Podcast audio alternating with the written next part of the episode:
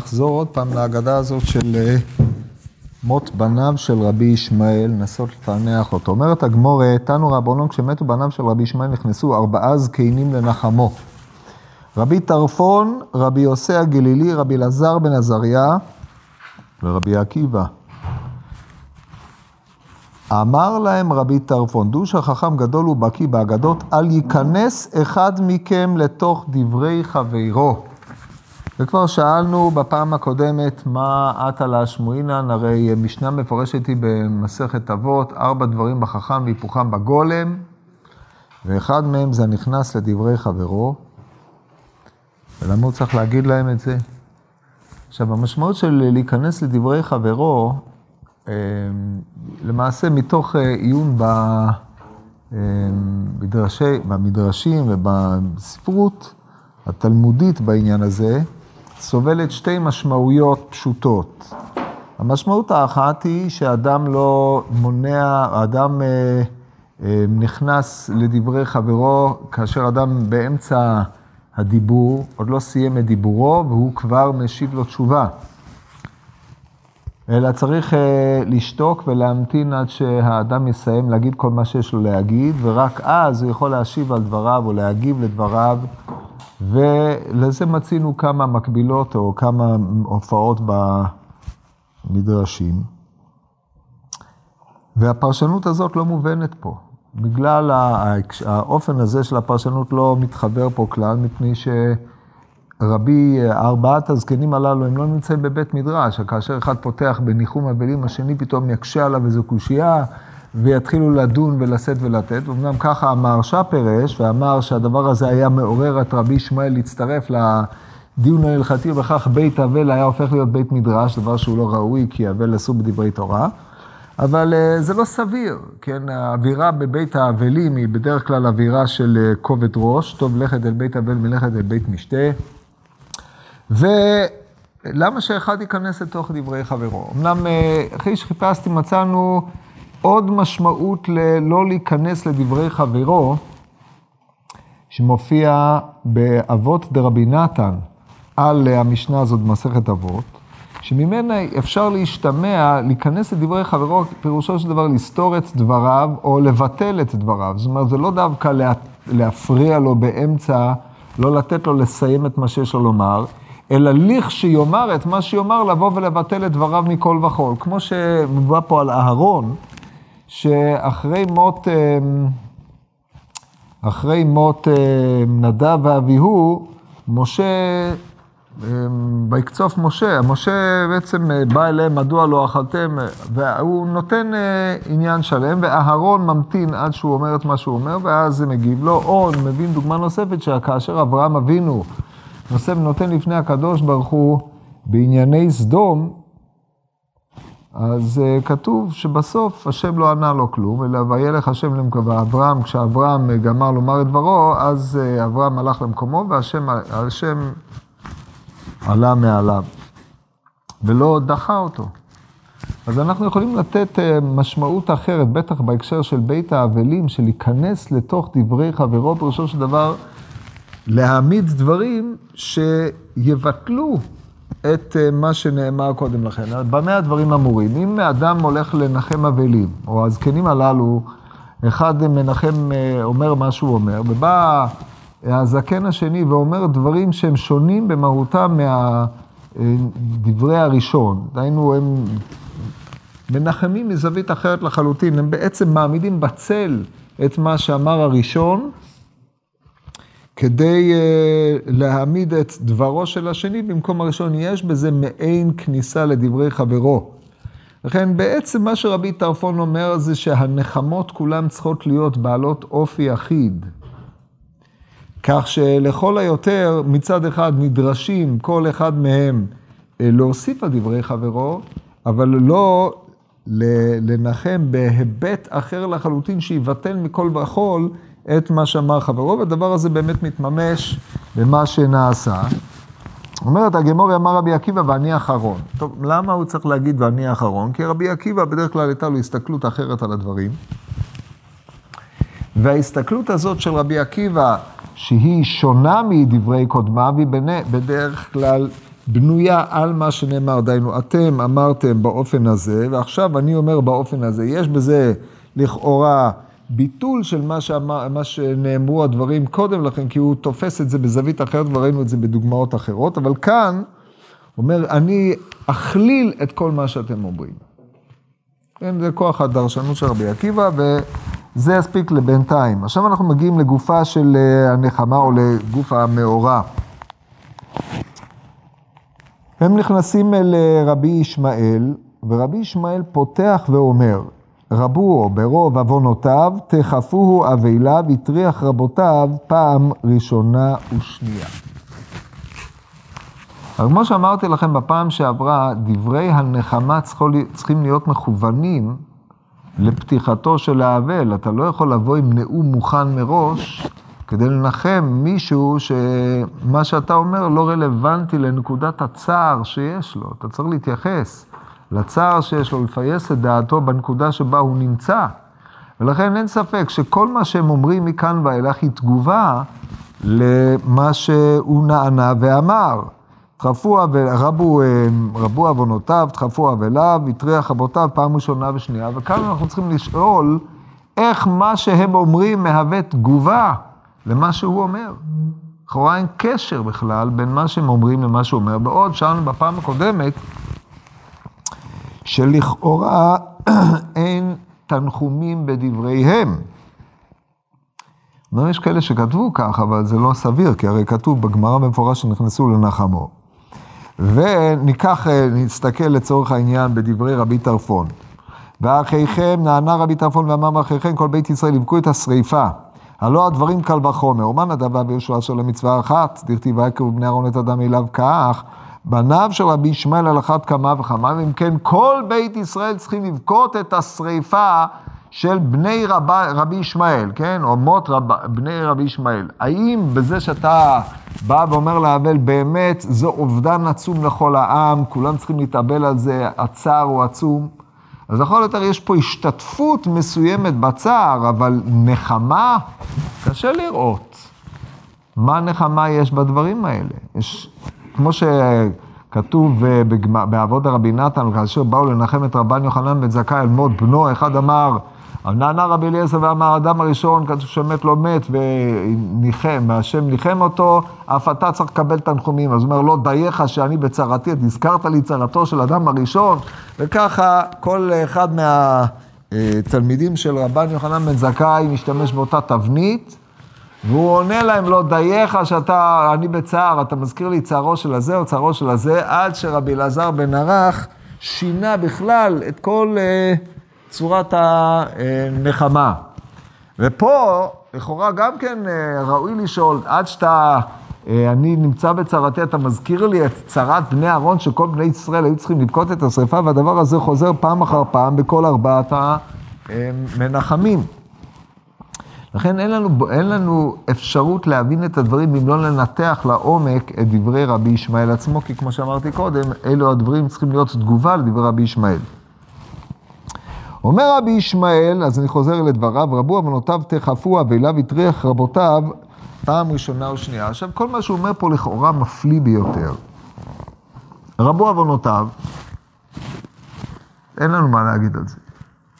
זה אדם, אדם יודע ניגי עצמו, אבל מה שהוא עושה זה יוצר קשר בין רבו עוונותיו לבין האירוע שעומד בפנינו. תכפוהו אבליו. תכפו אבליו פירושו שמתו לו או הוא נתחייב באבלות, בלי להיכנס לשאלה מה מת, הוא, לא, הוא נתחייב באבלות ראשונה ושנייה. עכשיו, תרחפו אבליו יכול להיות, מפני שמתו אחי ואחותו בתוך שלושים, או שמתו אבי ואימו בתוך שלושים, או שמת אימו ובנו, או שני בניו, בקיצור, כל אחד מהשבעה שאדם מחויב עליהם, יכול להיות שאם הם מתו בתוך שלושים, זאת אומרת, בתוך שלושים של הראשון מת השני, זה נקרא דחפו אבליו. למה אני אומר את זה? כי אין התייחסות לבנים בכלל. יש התייחסות רק לזה שהאבל הוא תכוף, בא בזה אחר זה. לאמור, אילו זה לא היה תכוף, דהיינו, אילו היה מת אחד, הוא היה גומר את השבעה וגומר את השלושים, בהקשר של הבן, ולאחר שנה או חצי שנה או חודש, היה מת השני, חודשיים, היה מת השני, אז לא, הטענת רבו עוונותיו ודחפו אבליו לא היה, לא היה קיים. ומתברר, אילו הוא היה אומר בשל ריבוי עוונותיו או גודל עוונותיו, מתו לו בניו, אז המשפט, דחפו אבליו, הוא לא העניין הרלוונטי. מתו בדחיפות, הוא לא מתו. דהיינו, הדחיפות של המוות היא זו שמביאה את רבי ישמעאל להעמיד את דבריו, וכמו שאמרתי קודם, יש התעלמות ממי מת, אלא מהעובדה שהוא נזקק לאבלות פעם אחר פעם. בתוך אותם שלושים, דהיינו, עד שלא נתנחם מן האבלות הראשונה, נפלה עליו האבלות השנייה. וברגע שנפלה עליו האבלות השנייה שממשיכה את האבלות הראשונה, דומה עליו כאילו הוא אבל על שני בניו כאחד. כן, בלי להתייחס לשאלה אם הם בנים או לא, הוא לא, כמו שאמרנו, לא מתייחס לזה, אבל הנקודה של תפיסת ריבוי העוונות המביאה לזה שאתה צריך, אה, הוא יושב באבלות ממושכת, וכאילו שתי הצהרות הללו נפלו עליו כאחד, זה לב טענתו או לב אמירתו של רבי ישמעאל. מכאן אנחנו למדים כמה דברים. א', על זה שמת לו בן, מבין ככה דרך העולם, אנחנו לא יודעים את הנסיבות, אין לנו שום מקבילה לזה כדי שנוכל לברר את הנסיבות הללו, אבל על כל פנים, זה דרך העולם, הוא משלים עם הדבר הזה, שהרי במות בנו הראשון, הוא התנחם. אבל נחמתו לא הייתה גמורה עד שכבר בתוך נחמת בנו הראשון מת בנו השני. אם הוא לא הספיק להתנחם על בנו הראשון, אז חזרה האבלות למקורה ביתר שאת, ביתר עוז. אז מלבד הצער הפיזי שיש בזה שאתה תדחפו אבליו ואתה מרחיב את השלושים ברצף, שזה דבר, כמו שהגמרא מתארת, מי שתדחפו אבליו מותר לו להקל בתר ועוד אילו קולות שהתירו לו, אבל מלבד זה, יש פה מעמד נפשי. האבל, או נמצא, מי שנמצא במעמד של אבלות הוא כמנודה לשמיים, כך עולה מהגמרא במועד קטן. האבל שדחפו אבליו הוא אה, במצב של רק, אה, כמו שרבי ישמעאל מתאר את זה, רק בשל עוונותיי, אני נאלץ, גדל, גדל הצער עד מאוד, אי אפשר להתנחם על אחד. כי ההתנחמות על האחד היא מביאה לפיוס דעת של האדם, אבל הוא לא, מס... הוא לא יכול להתנחם על הבן הראשון, מפני שהבן השני מת. והתנחמות על הבן השני מעוררת, כמו שאמרנו, את האבלות על הבן השני מעוררת את האבלות של הבן הראשון, ונדמה עליו כאילו שניהם מתו כאחד, שזה נורא ואיום. אז נראה לי שהדגש פה הוא על הדחיפות של האבלות. ועכשיו הוא אומר עוד משפט שהוא באמת פליאה. אומר, הטריח רבותיו פעם ראשונה ושנייה. וכי אדם שיושב שבעה ובאים לנחם אותו, הוא מטריח את המנחמים לבוא לנחם אותו. אדם שהוא חולה ובאים לבקר אותו, החולה מטריח את המבקרים לבוא לבקר את החולה, זו הסתכלות משונה מאוד מאוד. ככה לא מסתכלים על החיים, אדרבה. חובתו של האדם, או מצווה שיש לו לאדם ללכת לבקר חולים או לנחם אבלים, לקיים בזה מצוות ואהבת לרעך כמוך, או אחרי השם אלוקיכם תלכו, כמו שאומרת הגמרא בבא מציע, יהיה אשר יהיה. בכל מקרה, זאת מצווה וזכות שעומדת לאבלים, להשתתף בצערו, לנחם את היושב, את האבל, או לבקר את החולה, לסייע לו. אז איך רבי ישמעאל הופך את הדבר הזה להטרחה? דבר משונה מאוד, הביטוי הוא משונה. ועוד, שהוא אומר ראשונה ושנייה. מה ראשונה יש פה? בשלמה שנייה. ניחא, אבל בראשונה כבר היה. אז בפעם שעברה עשינו, התחלנו לחשבן את העניין, ואמרנו כך, הרי הם היו כבר בבית האבל. בראשונה. ניחמו אותו על מות בנו. עכשיו מת הבן השני. עכשיו, אם, המת, אם הבן השני היה מת בתקופה אחרי זמן, באופן שהוא לא היה אבל במות הבן השני, ומותו של הבן השני היא זו שהביאה עליו את האבלות, אז אפשר לנחם אותו על מות הבן השני.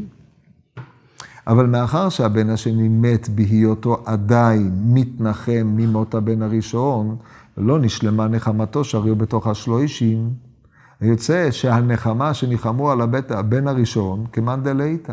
אי אפשר לחזור ולומר את אותם דברים.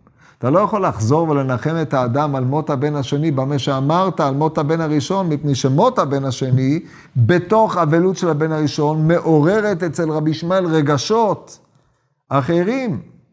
אין טעם לחזור, אתה לא חוזר על אותם מנטרה, על אותם דברים שאמרת בבית האבל, אחרי שהוא שמע אותם, הוא גם חכם גדול, בקיא בהגדה, שצריך להתייחס לזה, אבל מכל מקום, זה לא יעבוד.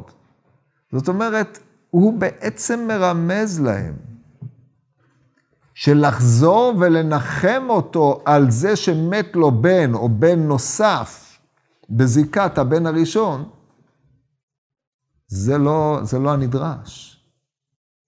עכשיו הוא אבל על זה ששני בנים שלו מתו כאחד, על הצירוף הטרגי הזה, ששולל ממנו אפשרות של התנחמות על אחד מן הבנים. הוא לכל היותר, כשהוא מתנחם עליהם, בסוף שלושים הוא מתנחם על שניהם כאחד, זה, זה הצירוף הטרגי. ועכשיו על זה, פה, בנקודה הזאת, הוא אומר, אם כן, אני מטריח אתכם פעם ראשונה או שנייה, כי אתם בעצם לא יכולים לנחם אותי כדרך המנחמים. יש פה הטרחה של מה שעשיתם בפעם הראשונה, איבד את משמעותו. אני עדיין עכשיו חזרה אבלות כמי שלא הייתה. כמי שלא אמר, כמי שלא התנחמתי. ועכשיו בפעם השנייה אתם נטרחים לבוא, וכל זה בגלל שרבו עוונותיי. זאת אומרת, הוא רואה את הדחיפות הזאת כדבר שכופה אותם לבוא, אבל ללא תועלת. בשלמה אם הוא היו מתים בזה אחר זה בפרק זמן, אז הם היו יכולים, כל, כל בן היה מעורר את הנחמה שלו, אבל כאן נחמת הראשון התבטלה מכוח מות השני, והשני, מה, הוא, מה ינחמו אותו? הרי כבר ניחמו אותו הב, על הבן הראשון נחמה שהיא לא, לא נתקיימה, היא לא יכולה להתקיים. עכשיו, לבוא לדבר רק על הבן השני ולהתעלם מהבן הראשון אי אפשר. לדבר על הבן הראשון, כבר דיברו, מה הם יגידו? לכן זו הטרחה. עכשיו, זה האתגר שהוא מציב בפני המנחמים. עכשיו, איך הם נפתרו את הבעיה הזאת? הם עכשיו צריכים להגיב.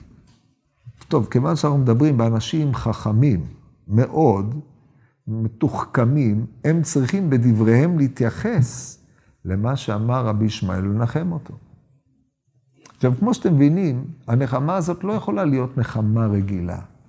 היא צריכה בכלל לבוא מזווית אחרת ובאיזשהו מקום לפייס את דעתו על מה שהוא טען. זה האתגר העומד בפני הלומד כשהוא מגיע לדברים האלה. אז רבי טרפון הוא הפותח, הדברים שלו הם הכי קלים להבנה, וכל אחד מוסיף על דברי קודמו.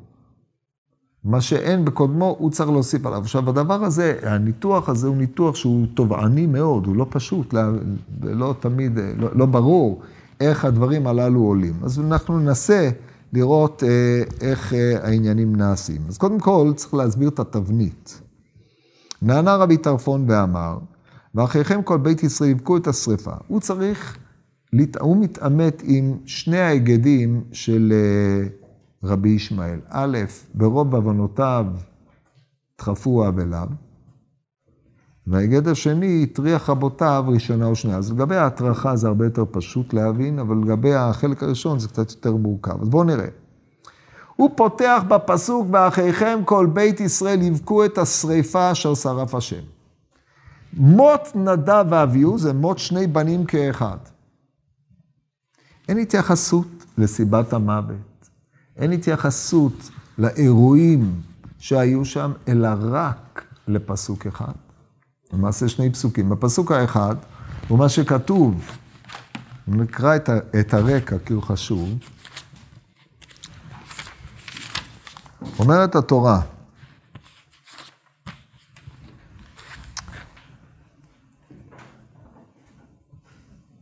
ויאמר משה אל אהרון, אל עזר ולאיתמר בניו, ראשיכם אל תפרעו ובגדיכם לא תפרומו ולא תמותו ועל כל העדה יקצוף. ואחיכם כל בית ישראל יבכו את השריפה אשר שרף אדוני. זאת אומרת, אהרון ובניו הנותרים מנועים מלהתאבל. מי שנושא באבלות זה כל בית ישראל. ומה הם נושאים באבלות? את השרפה אשר שרף השם. השרפה אשר שרף השם.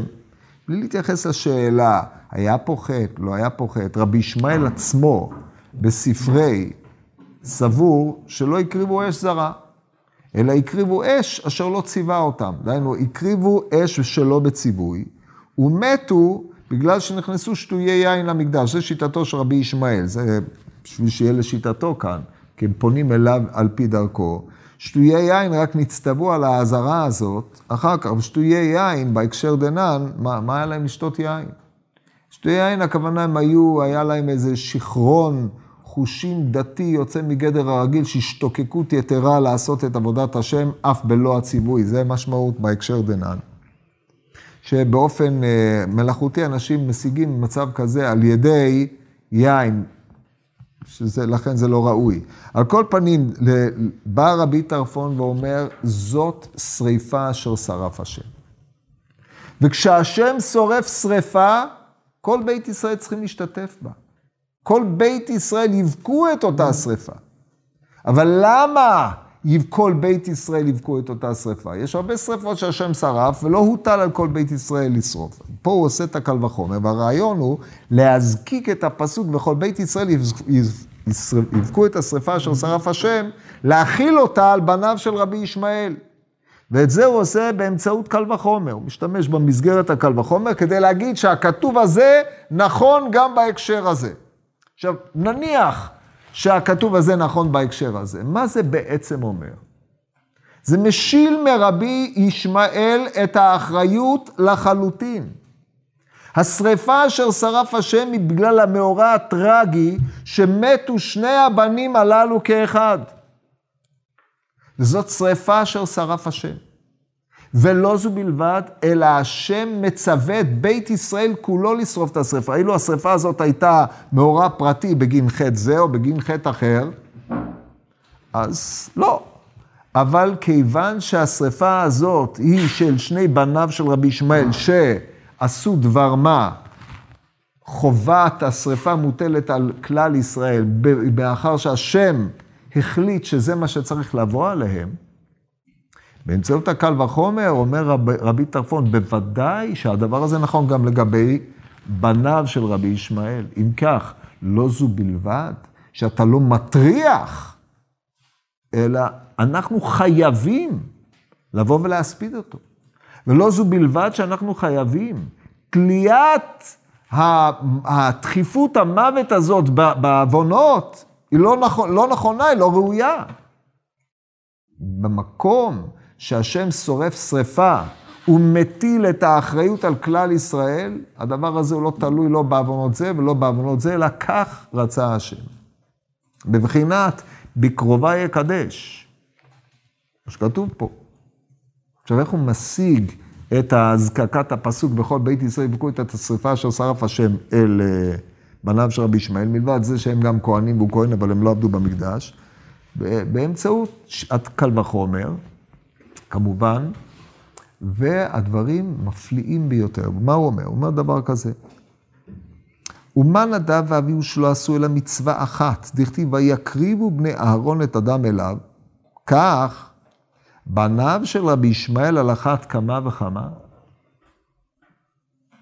אז כבר המפרשים התקשו, וכי לא עשו אלא מצווה אחת, התשובה היא כן, לא עשו, כמו שכבר פירשו המפרשים גם. שבהיותם כהנים זה הדבר הראשון שהם עשו, הרי עד היום השמיני הם לא עבדו. הם היו בתהליך של אה, צפייה במשך שבעה ימים, ימי המילואים, עבד משה.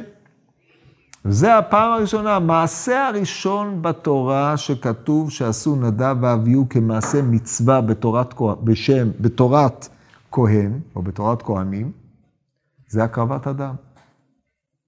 והמעשה הזה הוא מעשה שהביא להופעה אלוקית. זאת אומרת, אנחנו רואים את החלק שלהם בזה שהקדוש ברוך הוא נגלה לעם ישראל, כי ביום, כי, כי ביום, אה, כי, איך הוא כתוב? כי ביום הזה השם נראה עליכם. והשם נראה עליהם על ידי הקרבת הקורבנות, קורבן החטאת או קורבן השלמים, כן? זה או וימציאו או ויקריבו. מכל מקום, אלה הפעולות שהם עשו. והפעולות הללו הביאו בין השאר לגילוי שכינה, וגילוי השכינה הזאת, לפי שיטת רשב"ם על כל פנים, היא זו שהביאה למותם של אה, בני אה, אהרון הכהן. אותה אש שיצאה מבית קודש הקודשים לאכול את החלבים, היא זו ששרפה אותם.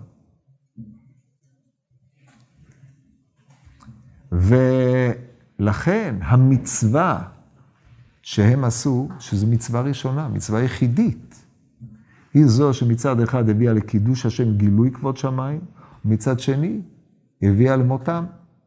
ועל כן כל בית ישראל יבכו את השרפה אשר שרף השם בגלל מצווה יחידית שהם עשו. אז עכשיו דן קל וחומר, אנחנו עכשיו, בצד של הקל וחומר אנחנו לא יודעים כלום, כי אנחנו לא יודעים על בני רבי ישמעאל שום דבר, כלום. אבל חוץ מזה אנחנו יודעים שהייתה לו בת, שמיענה, זה מה שכתוב, ובא, טוב, זה סיפור בעניין הזה, אבל על בניו אנחנו לא יודעים כלום. אבל הוא דן קל וחומר, הוא אומר, אם הדבר הזה נכון לגבי מצווה זו שהם עשו, קל וחומר בניו של רבי ישמעאל, שמן הסתם יש בהם כמה וכמה מצוות. עכשיו, לכאורה, קל וחומר, קל וחומר פריחה. למה? כל בית ישראל יוכיחו שעשו כמה וכמה מצוות ריקנים שבך מלאים כמצוות כרימון, כמו שאומרת הגמרא, בסוף חגיגה, והדברים ידועים. ואף על פי כן לא נאמר כל בית ישראל יבכו את השרפה, מה, מה קרה? אז זה נכון לגבי כל אחד ואחד? שכולם צריכים לבכות את השרפה אשר שרף השם במות כל אדם ואדם מישראל, מפני שמסתום יש בו כמה מצוות. אז אילו היינו מכירים את הביוגרפיה של בניו של רבי ישמעאל, היינו יכולים להבין את הזיקה של הקל וחומר בצורה יותר בהירה. אבל אם אנחנו לא מכירים, מה נאמר ומה נדבר? אלא על כורחנו.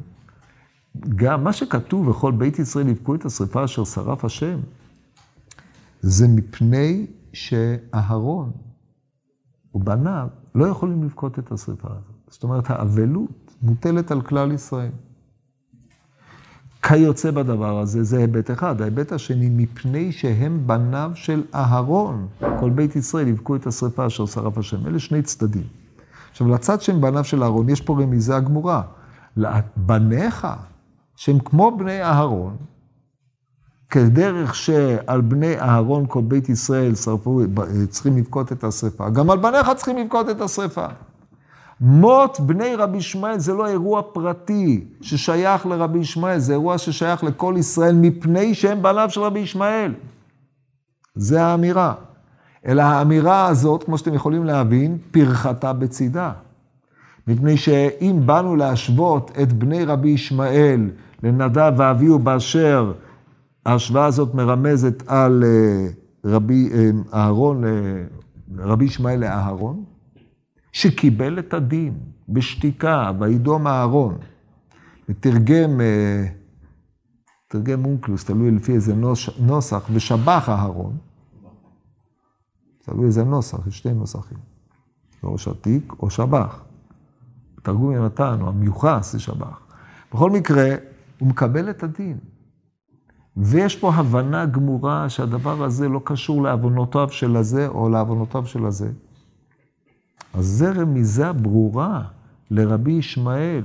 לגבי דבריו, מות בניך זה לא אירוע שנוגע לעוונות שלך.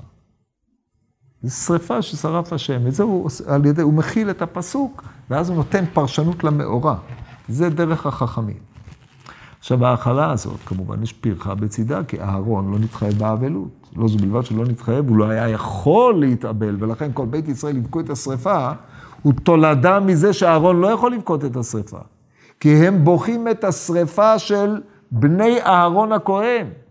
רבי ישמעאל שותק לנחמתו של רבי טרפון, כי היא לא, לא רלוונטית לגביו. אתה משווה אותי לאהרון? אילו ההשוואה הייתה נכונה, היה מקום להתנחם, הוא גם לא היה טוען את מה שהוא טוען, אבל הואיל וזה לא, הוא לא מקבל את ההשוואה הזאת, אז בעצם לא נאמר פה מבחינתו כלום. לכן, דברי רבי טרפון הם פתיחה, הם קוראים כיוון לצורת הנחמה, כמו שאמרנו, שהם בעצם מתייחסים לרבות, אמ, רבו עוונותיו תחפו אבליו, הטריח רבותיו, דהיינו לשני הצדדים, אבל יש בהם צורך השלמה, אז צריך להביא, יש פה פירחה וצריך להביא הוכיח. כדרך התלמוד, כן? אז בשביל זה ניגש רבי יוסי הגלילי למשימה. עכשיו, כיוון שיש פה פרחה וצריך להביא הוכיח, היוכיח צריך לבוא מכיוון הפוך לחלוטין. עכשיו, אנחנו מדברים על, נראה את הדבר הזה בפנים, שכשלעצמו זה מהדברים המטמיעים, אבל על רקע מה שאמרתי קודם, מיני ומנח תסתיים שמייטה, זה יכול להיות uh, מובן. אז בואו נראה מה כתוב פה. אומרת הגמרא, נענה רבי יוסי הגלילי ואמר, וספדו לו כל ישראל וקברו אותו. מה הרקע של הדברים? כדי להבין את הדברים, נקרא את הרקע. ירובעם בן נבט, שהיו לו כמה בנים, חטא והחטיא את ישראל, והיה אדם אה, בעל מדרגה נעלה ביותר, אף על פי כן, חטא והחטיא, בחר להרע. אומר עליו הכתוב, הבן שלו, אביה, חלה.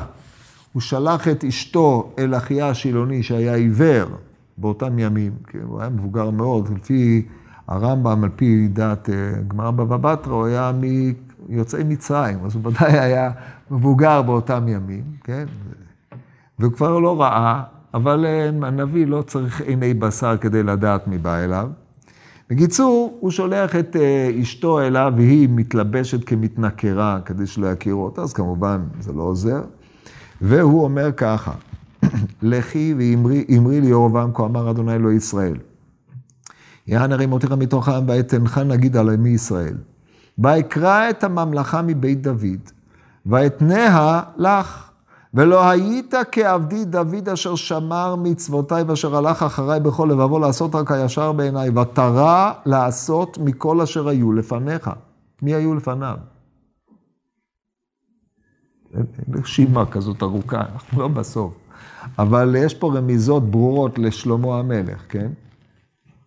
כתוב שעשה רע בעיני השם, מקראות מפורשים. ומה הרעה שהוא עשה? ותרא לעשות מכל אשר לפניך, ותלך ותעש לך אלוהים אחרים ומסריחות להכעיסני. ואותי שלחת אחר גבר, אחרי גביך, לכן הנני מביא, שימו לב עכשיו, הנני מביא רעה אל בית ירובעם והכרתי לירובעם משתין בקיר, עצור ועזוב בישראל, וביערתי אחרי בית ירובעם כאשר יבאר הגלה לתומו. המת לירובעם בעיר יאכלו הכלבים, והמת בשדה יאכלו עוף השמיים, כי אדוני דיבר. ואין, לא יישאר שום זכר לבית ירובעם. כולם ימותו, וכל כך למה? בעוונות ירובעם. ואת, קומי לכי לביתך, בבואה רגלייך העירה ומת הילד. וספדו לו כל ישראל, וקברו אותו. כי זה לבדו יבוא לירובעם אל, אל קבר. למה יען נמצא בו דבר טוב אל אדוני אלוהי ישראל בבית ירובעם. והקים אדוני לו מלך על ישראל אשר יכרית את בית ירובעם זה היום ומגם עתה. ויקרא אדוני את ישראל כאשר ינוד הקנה במים ונטש את ישראל מעל האדמה הטובה הזאת אשר נתן לאבותיהם וזעירה מעבר לנהר יען אשר עשו השירים מכעיסים את אדוני. דברים נוראים, נוראים. אומר, זה הכתוב שבאמצעותו רבי יוסי הגלילי הולך לנחם את uh, רבי ישמעאל. עכשיו בואו נראה מה ההשוואה פה, היא השוואה uh, מעניינת, בלשון המעטה, כן? רביה, בנו של ירובעם, חולה. הוא חולה ועומד למות. למה? כי הוא הבן של ירובעם. מותו הברור הוא מותו, הוא, הוא בגלל חטאי ירובעם. אלא שבניגוד לשאר צאצאיו של ירובעם וירובעם עצמו, הוא לבדו יבוא לירובעם אל הקבר, ולא זו בלבד, אלא ספדו לו כל ישראל וקברו אותו, ובאמת כך היה. כתוב אחר כך, ואתה כומש את ירובעם ותבוא, ותלך ותבוא תרצעת, היא באה בסף הבית והנער מת. ויקברו אותו ויספדו לו כל ישראל כדבר אדוני אשר דיבר ביד עבדו, אחיהו הנביא. עכשיו בואו נראה. יש פה אב שבחטאיו מת בנו. אלא שבנו זה בגלל שנמצא בו דבר טוב. הגמרא פה מפרטת מה היה הדבר הטוב. בגלל שנמצא בו דבר טוב, הוא זכה לשני דברים. א', הוא זכה לקבורה. מה שהם לא זכו, היו כדומן על פני השדה. ומצד שני, ספדו לו כל ישראל. על מה ספדו לו? למה ספדו לו? בגלל שנמצא בו דבר טוב את השם אלוקיו. אז עכשיו הוא בא רבי יוסי הגלילי ואומר, טוב, נניח שפרחת את מה שאמר אה, רבי טרפון, שהרי שתקת לו, לא אמרת ניחמתני, לא. הוא גם לאורך כל הסיפור לא אומר, אבל לגופו של עניין, פה, ונניח שהיה שלך פירחה עליו, מפני שמה מה, מה פתאום אנחנו מדמים את רבי ישמעאל לאהרון הכהן? אם רעים רבי ישמעאל היה כמו אהרון הכהן, אז הנה חינמי, בניו הם כמו נדב ואביהו, וראוי שיבכו את השרפה אשר שרף השם, אבל כיוון שההשוואה הבסיסית היא לא נכונה, אך ממילא הוא שאי אפשר להשוות את נדב ואביהו עם בניו של אה, רבי ישמעאל, ולהכיל עליו את כל, כל בית ישראל יבכו את השרפה, והאדרא טענתי לדוכתא, דחפו אבליו, בגלל שרבו עוונותיו, ועוד פעם חוזרת הטרחה למקומה. אז עכשיו הוא בגאוניות מביא דוגמה הפוכה לחלוטין. בהתחלה זה הטמיע אותי. מה אתה מביא את הדוגמה הזאת? הרי הדוגמה הזאת בעצם, אם נפרט את זה לפרוטות, משווה את רבי ישמעאל ירובעם ואת בנו או את בניו לאביה. השוואה לא מחמיאה בעליל, כן? אתה שואל את עצמך, תגיד לי, זה נראה לך שככה תנחם אבלים? תבוא ותגיד כן. הרי גם אביה מת במות אביו, ותראה מה קרה. אז אל תחפו אבליו, זה לא פותר כלום. באמת אה, רבו עוונותיו, לא רק זה לא פותר, זה מעצים. אבל זה רק אם אתה קורא את הדברים שלו כעומדים לבדם, אבל אם הם באים בהקשר של דברי רבי, רבי טרפון ומוסיפים עליו, דהיינו, לא מבטלים אותו, לא נכנסים לדבריו ואומרים מה שהוא אמר לא שווה כלום, אלא אנחנו נשקם את טענתו הנפלאה של רבי טרפון על ידי זה שנסיר את הפירחה כדרך היוכיח. כי הרי רבי ישמעאל, חכם גדול ומקיא בהגדה, אז יוצא שאפשר לקשר בין זה לזה, ואם תטען עליי ככה, אני אוכל לתרץ רגליך ככה, אז בעצם מה שהוא עושה, הוא מקיים את ההצדקה שכל בני ישראל יספדו לבניו של רבי ישמעאל. כדרך שבכל בית ישראל צריכים לשרוף את השרפה אשר שרף השם, מפני שזה לא בגלל אהרון הכהן, אלא זה בגלל הם עצמם.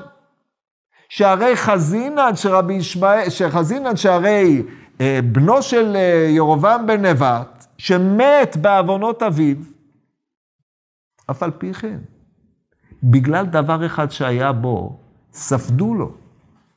כל ישראל. באו וספדו לו. למה ספדו לו כל ישראל? מת, הוא היה חולה, מת. מת בתור בן המלך. לא ספדו לו בגלל שהוא בן המלך.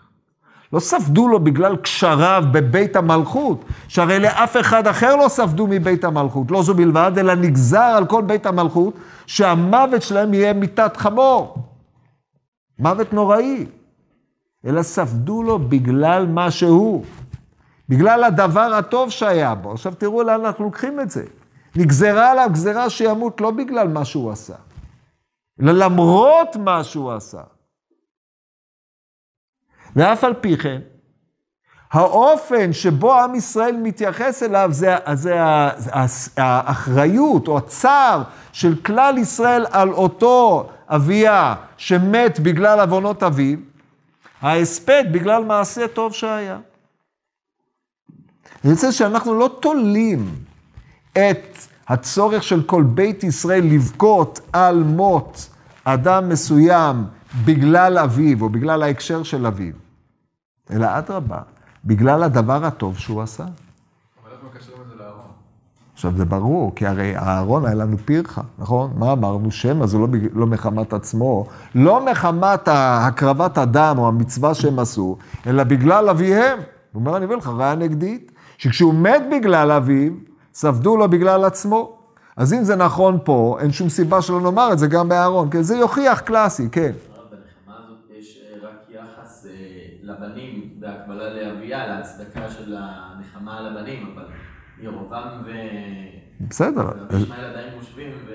לא, לא, בשביל זה אמרתי, שאם אתה קורא את זה כשלעצמו, זה באמת אה, בעייתי. ככה קראו את זה החוקרים, הם באמת אמרו, מה הולך פה? אבל לא קוראים את זה ככה, צריך לקרוא את זה כמו מישהו לומד גמרא. כשאתה לומד גמרא, אתה אומר קל וחומר. יוצר השוואה מסוימת, מה עושים? מה לצד הזה, מה לזה שכן כך וכך תאמר פה, אז מבין, זה יוכיח. מה לזה שכן כך, זה יוכיח, חזר הדין, לא ראי זה קרי זה הצד השווה, שעל מצווה אחת או על דבר טוב שהם עשו, ספדו לו כל ישראל, בלב של רבי ישמעאל זה קלאסי, לא ככה. אם נלמד ככה, זה מסביר את זה. אם לא נלמד ככה, אז כאילו כל ספדן עומד לעצמו, הדבר הזה לא טוב. הרי זה, באים, זה בא ברצף, לכן ככה עדיף ללמוד. אני לא, לא ראיתי איזה אפשרות לפתור את זה באופן אחר. זאת אומרת, ואז מה אני עושה? במקום לטשטש את ההשוואה, צריכים להעצים אותה. זאת אומרת, צריכים לה, להעצים את הקביעה שפה בניו מתו, או אביה מת בגלל חטאי אביו, ולמרות זאת, ספדו לו על מה שהוא עשה. אז כשאתה חוזר לבניו של אהרון הכהן, מה המסקנה? שכשספדו להם, או כשבית ישראל בחו את השרפה אשר שרף, זה לא בגלל אביהם, אלא בגלל מה שהם עצמם עשו. שהרי אנחנו רואים שיש מקום שלא יכול להיות שספדו לו בגלל אביו, אלא בגלל המעשה הטוב שהיה. התבנית הזאת משמרת את אותו נקודת דמיון. זה ברור הדבר הזה? זה, זה פתרון. אחרת, זה באמת פליאה גדולה שהטרידה אותי הרבה זמן, אבל זה נראה לי הפתרון הנאות, כן? לא לבטל את זה, אלא אדרבה, להעצים את זה. אז עכשיו הוא אומר לרבי ישמעאל, אתה יכול להבין מה שאתה רוצה. אבל אחרי ככלות הכל, אנחנו מוצאים תופעה שכל בית ישראל סופדים. הרי הפעם הראשונה של כל בית ישראל ספדו מישהו, זאת אומרת, זה נדב ואביהו. הם בחרו את אהרון, בחרו את משה, אבל כל בית ישראל שרפו את השרפה אשר שרף השם. זאת שרפה, זה נגיעה, נגעו בהם, יד השם נגעה בהם, גם יד השם נגעה בבניו של רבי ישמעאל. והצורך של כל בית ישראל לספוד, זה בגלל המעשה הטוב שהם עשו, בגלל המצווה הזאת שהם עשו, וראינו את ההקשר של המצווה, לא בגלל אהרון. זה שאהרון לא יכול היה להשתתף בהספד הזה, זה בגלל שנאמר דין של כהן בזמן כהונתו, הוא לא יכול לעשות את זה. אבל בית ישראל ממילא היו צריכים לעשות את זה. וזה היוכיח שלו מ... אה, מאביהו, אה, כן, מאביה, מות אביה. עכשיו, אם נבין את זה לעומק, קודם כל, מה שהוא טוען, זה שכשאדם עושה דבר טוב, ושוב, אני לא יודע מה עשו בניו של רבי ישמעאל, זה לא נתון לנו פה. על כל פנים, הם הבינו שאפשר להשוות אותם לאביה. אם אביה, שעשה דבר אחד טוב, והיכולת שלו לעשות דבר אחד טוב, היא על רקע פעולותיו של אביו, מי שהרי בבחינת נוח, שכל דורו היו רשעים, אז ניכרת צדקותו. אבל במקום שלא כולם רשעים, לא ניכר כלום, כן? אז ניכר ייחודם של בניו של רבי ישמעאל. יהיה הסיבה אשר תהיה, בשל היותם בניו של רבי ישמעאל, ייחודם ניכרת. כך שמה שהם עשו, הם עשו כבניו של רבי ישמעאל, זה עצמו ייחוד. והייחוד הזה, הוא רואה בו דמיון ליען אשר מצא איתו דבר טוב, לכן הוא לבדו יבוא לירובעם אל הקבר, וספדו לו כל ישראל. והעובדה שכל ישראל סופדים, זה בגלל הדבר הטוב הזה. אז לכן, קודם כל, הוא בזה אומר, אומר לו לרבי ישמעאל, בוודאי, בוודאי, אנחנו חייבים להיות שותפים במות בניך. זה לא אירוע ששייך לך בלבד, זה אירוע ששייך למי שהיטיב, ראוי לספוד לו. וברגע שהדבר הזה אירע באופן שבו הוא אירע, בטרגיקה הזאת שהיא אירעה, אנחנו לא דנים כעת על שאלת הדחיפות של האבלות. כי דחיפות האבלות היא רק מעצימה את הצער שיש לכלל ישראל בזה שהם הלכו כאחד. והצער הזה של עם ישראל מטיל על, על את חובת ההספד על הכלל הרבה יותר. שימו לב שמגמת הנחמה היא אדרבה להגדיל ולהעמיד את בניו של רבי ישמעאל כמי שהם ראויים להספד הכלל. בניגוד לרבי ישמעאל עצמו, שהעמיד את הדחיפות מותם כדבר שתלוי כל כולו בו, והתעלם מהעובדה שהם מתו. הם מתו בגזרה. אבל הבעיה היא העובדה שמה שאירע לו, אז באים רבי טרפון ואחריו ורבי יוסי הגלילי מסיטים את הדיון, אומר, לא, זה בעיה של עם ישראל כולו, לא בעיה שלך. ואם מישהו עמד לדין פה, מי שיד השם נגע בו זה כלל ישראל, שהם נעדרו מתוכם, לכן כולם, הם צריכים לספוד אותם על מעשיהם שהם עשו. טוב, אז עד כאן, בסדר. עכשיו בא רבי אלעזר בן עזריה, ומביא כיוון אחר, צריך לראות לאן הוא עכשיו, לאן הוא הולך. זה הבעיה הגדולה, זה לא ברור לי כל כך. אומר רבי אלעזר בן עזריה, נענה רבי אלעזר בן עזריה ואמר, צריך להיות פרחה על דבריו. פרחה על דבריו של אה, רבי, אה, פרחה על דבריו של רבי יוסי הגלילי, כדי להצדיק את מה שרבי אלעזר בן עזריה יבוא ויאמר. עכשיו, מה אנחנו יכולים לטעון כלפי אה, רבי יוסי הגלילי? כלפי רבי יוסי הגלילי, שספדו בו כל ישראל, לאן נמצא בו דבר טוב, אז הרי הוא היטיב עם עם ישראל במה שהוא עשה, כן? מה שהוא עשה פה, לפי מה שהגמרא אומרת, הדבר הטוב שהוא עשה, זה שהם ספדו לו, זה האפשרות של עם ישראל לחזור להיות מקושרים למקדש. זה שעם ישראל לא ניצל את העניין הזה, זה בעיה, אבל על כל פנים, הוא היה לו, כמו שהכתוב אומר פה, דבר טוב את השם אלוקיך. איך אומר פה? סבתו לו וקבעו אותו כי זה לבדו, יהיה נמצא בו דבר טוב אל השם אלוקי ישראל בבית ירובעם. זאת אומרת, היה יחיד שעדיין הזכיר את שמו של השם אלוקי ישראל בבית ירובעם. צדיק בסדום. והצדיק בסדום מאיר על כל סביביו. אבל הכי נאמר שבניו של רבי ישמעאל הם כמו אביה בבית ירובעם? לא. אז יכול להיות שבגלל זה ספדו לו כל ישראל, מפני שפה הלך ביניהם היחיד שהזכיר שם שמיים בתוך כל בית העבודה זרה הזה. אז צריך להביא הוכיח שלישי. טוב, אז עכשיו מה הדבר השלישי? כתוב בספר ירמיהו, כך, וואי וואי. אומר ירמיהו ל... כה אמר, כן, הדבר אשר היה לירמיהו מת אדוני מבוכדרצר מלך בבל וכל חילו וכל ממלכות ארץ ממשלת ידו וכל העמים נלחמים על ירושלים ועל כל עריה. לאמור, כה אמר אדוני אלוהי ישראל הלוך ואמרת אל צדקיהו מלך יהודה ואמרת, הלוך ואמרת ואמרת אליו, כה אמר אדוני הנני נותן את העיר הזאת ביד מלך בבל ושרפה באש ואתה לא תימלט מידו. כי תפוס תתפס, ובידו תינתן, ועיניך את עיני מלך בבל תראנה, ופיהו את פיך ידבר, ובבל תבוא. אך, שמע דבר אדוני צדקיהו מלך יהודה, כה אמר אדוני, עליך לא תמות בחרת. בשלום תמות. וכמשרפות אבותיך המלכים הראשונים אשר היו לפניך, כנשרפו לך. והוי אדון יספדו לך, כי דבר אני דיברתי נאום אדוני. למה? למה יספדו לו? למה ישרפו לו? מה הוא עשה? עכשיו תחשבו על זה. תכף הלמה זה, תראו את המשמעות שלו. אז בא רבי אלעזר בן עזריה ואומר, ועלו דברים קל וחומר, מה צדקי המלך יהודה שלא עשה לה מצווה אחת, שאלה ירמיהו מנתית, כן, זה כתוב להלן, פרק ל"ה, כך, בניו של רבי שמואל על אחת כמה וכמה. על אחת כמה וכמה מה?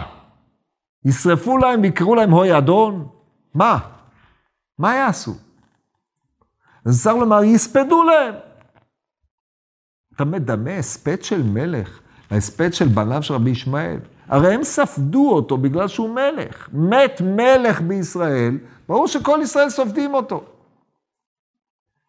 מתו בניו של רבי ישמעאל, יספדו אותם? מה, מה, מה יסוד ההשוואה בכלל? אלא מה? איפה הוא מת? מתי הוא מת? הוא מת אחרי חורבן ירושלים, שביסודו של דבר, לפי דברי הנביא ירמיהו, אירעה בגללו. זאת אומרת, באחריות המיניסטריאלית הנופלת עליו, למה לא השלים עם כסדים? כי הוא היה חלש נגד השרים שרצו להילחם, הוא אומר, לך, זה מה שהיה כאשר הוא הציל את ירמיהו. הוא אמר, הוא אמר לו, תפסיק להילחם, לך תשלים איתם, כי הם יכבשו את העיר. לא יעזור כלום, הם יכבשו. צריך לקרוא את הנבואות בירמיהו להבין את זה.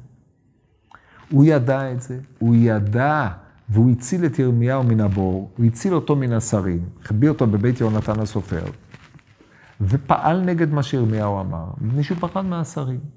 כללו של דבר, באחריות המיניסטריאלית של מלך, הוא הביא את החורבן על ירושלים, נקודה. הוא נמצא בבבל, הוא כבר לא מלך, לא כלום. לא זה בלבד שהוא לא מלך, הוא נשפט על עבירותיו עם אה, נבוכדנצר, שהורג לנגד עיניו את כל בניו. הוא מעוור אותו אחרי כן. ואז אתה שואל את עצמך, שורפים עליו כמות המלכים בבבל, כשאין לו מלכות, אין לו כלום, הוא סיבת העובדה שעם ישראל כולו נמצא בגלות בבבל, ועדיין סופדים אותו. הוי, המלך? על מה? ותראו איך זה מנוסח בכתוב, למרות שכל כך וכך יהיה, אתה תראה את פיך את פיהו ועיניך את עיניו תראינה וכו', אך שמענה דבר השם, זה ינהגו איתך כמו מלך. למה? למה? הרי אתה עובר, אתה תעבור, אתה עברת על דברי הנביא, אחד לאחד. עכשיו, אין לנו הסבר במקרא למעבר החריף הזה בין הפסוקים, אך שמע דבר השם צדקיהו מלך יהודה, כה אמר השם עליך לא תמות בחרב. למה? באח הזה. אז רבי אלעזר בן עזריה חיזר אחרי מעשה טוב שעשה צדקיהו. כבר תוספות במקום, שאלו צדיק גמור היה, אבל במקרא לא מצינו יותר. לא מצינו שום דבר שהוא עשה טוב. כתוב שהוא עשה הרע בעיני השם. זה מה שכתוב במקרא. דבר אחד טוב, הוא הציל אותו. הוא הציל את מי שאמר לו שהוא יגלה, ואמר לו שמה שיקרה לו, ואותו הוא מציל, נגד כל האחרים. והוא לא, לא יכול לעמוד כנגד האחרים. זה הדבר הטוב היחיד שנמצא בו. ואף על פי כן, ההצלה של ירמיהו אפשרה לו למות, ולמות כמלך. למרות שהוא היה חוטא, למרות שהוא הביא את האסון על ירושלים, למרות כל הצרות הגדולות, למרות החורבן הגדול, הוא מת כמלך. כי הוא הציל את מי שאמר לו שזה מה שיקרה. זה דבר אחד טוב. עכשיו, בניגוד לאביה שהיה נושא דבר השם, אה, שם השם אלוקי ישראל בבית ירובעם, פה איזה, מה הוא עשה? הוא בעצם עבר, עבר על דברי השם. לחלוטין. אז היה מקום לומר שבגלל שהוא נושא דבר השם בבית ירובעם, על רקע בית ירובעם, הוא נראה צדיק בסדום כביכול. אומר רבי אלעזר בן עזריה, ואז לטעון פירך על רבי יוסי הגלילי, ואז ממילא נפרח טענת רב טרפון. אומר רבי יוסי, אומר רבי אלעזר, לא, צדקיהו יוכיח. שהרי הוא עבר על דבר השם, עבר על דבר המלך, רק בגלל שהוא עשה דבר אחד טוב לנביא שהוא עבר על דברו, זכה להספד ממלכתי כאילו הוא ניצב במלכותו. בניו של רבי ישמעאל על אחת כמה וכמה, ואנחנו חוזרים כמובן בכל בית ישראל יבכו את השרפה, כן? כי סתרנו את הסתירה והעמדנו את היוכיח. זה ה... טוב, נשאר לנו רבי עקיבא. רבי עקיבא זה גאונות צרופה. כמובן, זהו בסוף. הוא בעצם בא ואומר לכולם רבי ישראל. לא זו הדרך ולא זו העיר. לא. ובכן הוא האחרון. מה הוא עושה?